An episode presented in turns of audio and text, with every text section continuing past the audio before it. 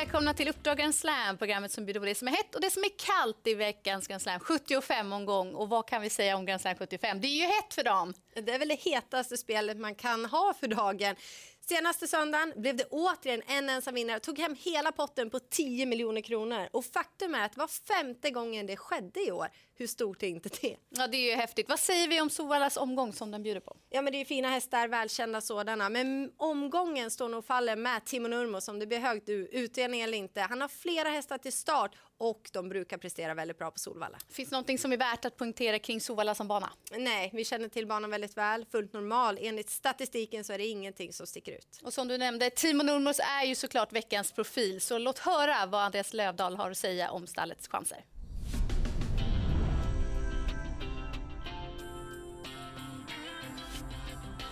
Andreas Lövdahl han har koll på stall Timo Nurmos hästar. Det är GS75 på Valla på söndag. Du har hela er lista framför dig, vilka hästar ni har. Det är bara din show att köra, tänker jag.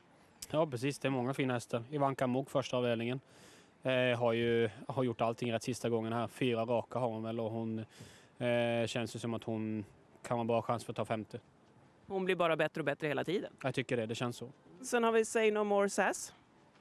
Eh, han eh, galopperar en del, strular lite grann, men han, han har gjort några fina lopp när han sköter sig och hoppas, hoppas han ska göra det igen. Det känns som en häst som har kapaciteten, men han strular till det lite för sig. Vad kommer sen då?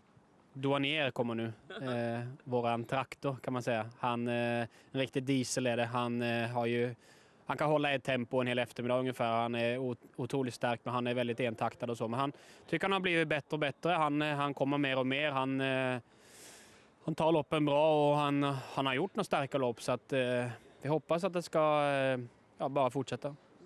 Det låter ju jättebra. Sen kommer Lee Harvey Bross. Han eh, ligger vi kanske lite lågt men har gått, eh, presterat lite ojämnt tycker jag, eh, till och från. Eh, men han, han, han gjorde väldigt bra som tvååring men svårt att säga nu, han, vi ligger lite lågt på han. Global vinnare i samma lopp. Eh, och Istanbul Boko. Istanbul Boko också, mm. precis. Då båda de två, båda de två har fin form. Global vinner, eh, om vi tar han först. Så då blev det kört lite halsen för han senast. Eh, det var ju väldigt hårt tempo och han fick äntligen vinna och det var kul. Eh, känns bra hemma. Istanbul Boko är lite sån häst som man inte kan veta hemma riktigt att man har han. Han tar ut i lopp, men jag tycker han har gått bra. Han har gjort några fina insatser och han känns, känns bra för att vara han hemma. Så att, hoppas att de båda gör bra lopp. Och så avslutar vi dagen med Mr Invictus nummer tre i avdelning 7. Galopperar väl senast tyvärr. Eh, har strulat till det någon gång sådär tycker jag. Och blandat och gett lite grann men han har gjort några fina lopp inemellan. Han har mött bra hästar, Francesco Zet och sådana bland annat. Så att han, har, han har stött på de bästa men eh, lite svårbedömt med tanke på senaste galoppen. Den var lite oförklarlig tycker jag men han hoppas han kan leva upp till lite det han kan. Han har lite för lite pengar på sig. Vem av de här, om någon, står nästan redan i mål eller i vinnarcirkeln? Ivanka Mok tror jag. Hon, är, hon har de tre ben inne redan tror jag. Bra information från Andreas Lövdahl och vi är väldigt överens med honom att det är nummer fyra Ivanka Mok i den första avdelningen som är bästa chansen. Ja, hon jagar femte raka segern och även om stilen inte varit hundraprocentig vid alla segrar så har hon ändå varit överlägsen. Och nu har man hittat väldigt passande uppgift så jag tror att hon tar femte raka. Och så vill du lyfta fram ytterligare en Timo Nurmos häst. Det är i den tredje avdelningen, nummer sex Douanier. Visserligen så blev det galopp i voltstart senast, men innan dess hade han tre raka segrar och nu är det väl fördel då att det är autostart. Och jag fastnade för Lövdahls ord att han är som en dieseltraktor, blir bara bättre och bättre. Och då är den här uppgiften väldigt lämplig då, för styrka är bra att ha över lång distans. Man kan trava in sig och sen tar han dem på råstyrka, för det är så han brukar vinna sina lopp. Det var två heta hästar från stall Timo Nurmos. De övriga ska ni få nu i veckans heta.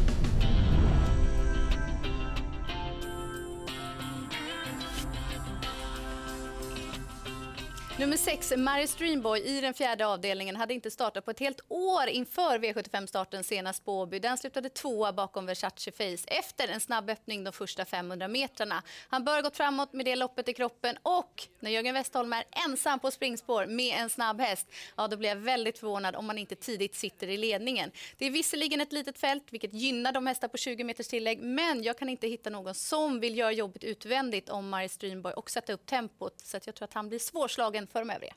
Och sen vill du lyfta fram en häst som inte alla har full koll på. Nej, det är nummer nio, Hill of Cash i den sjätte avdelningen som gör den sjätte starten på svensk mark, varav start nummer tre för Mattias Djuse. Ett treårigt sto som matchats mot bra kullkamrater under året och hon har inte haft det där rätta flytet med sig i loppen men visat hög kapacitet och trots att hon blev oplacerad senast efter startgalopp i ett British Crown-försök så tycker jag verkligen att hon visade form så att det är hon som ska ses med högst vinstchans i loppet. Och I avslutningen så hittar vi nummer nio, Plockepinn, en häst som jag har jagat och följt under en lång tid och har svårt att släppa trots att han inte vinner allt för ofta.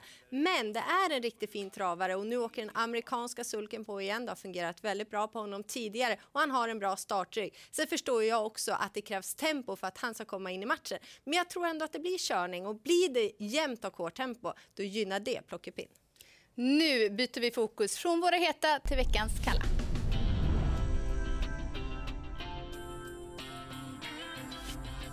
Vi börjar i den andra avdelningen med nummer 9, Say No More Sass, som visserligen har vunnit två av hans fyra starter, men han har galopperat i de övriga två, är lite speciell i stilen och ingen häst jag litar på. Lägg där till att bakspår i volten är ett minus.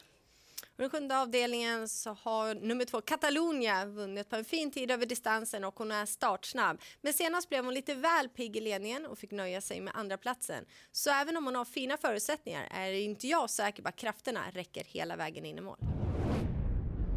Dags att summera ihop det viktigaste. Vi väl inne på att det kan vara Timo Nurmos show på söndag. Det brukar se ut så på Solvalla. De har fina förutsättningar. Men om det skulle ske något så att stallet inte presterar på topp, då kan vi återigen säkerligen få Grand Slam, en ensam vinnare. Och du har en vinnare som höjer utdelningen i avslutningen. Jag hoppas mycket på nio Plockepinn. Jag kommer inte ge upp på honom. Och jag tror ju väldigt mycket på My Streamboy, nummer sex i den fjärde avdelningen. Stort lycka till om ni tar chansen på Grand Slam 75.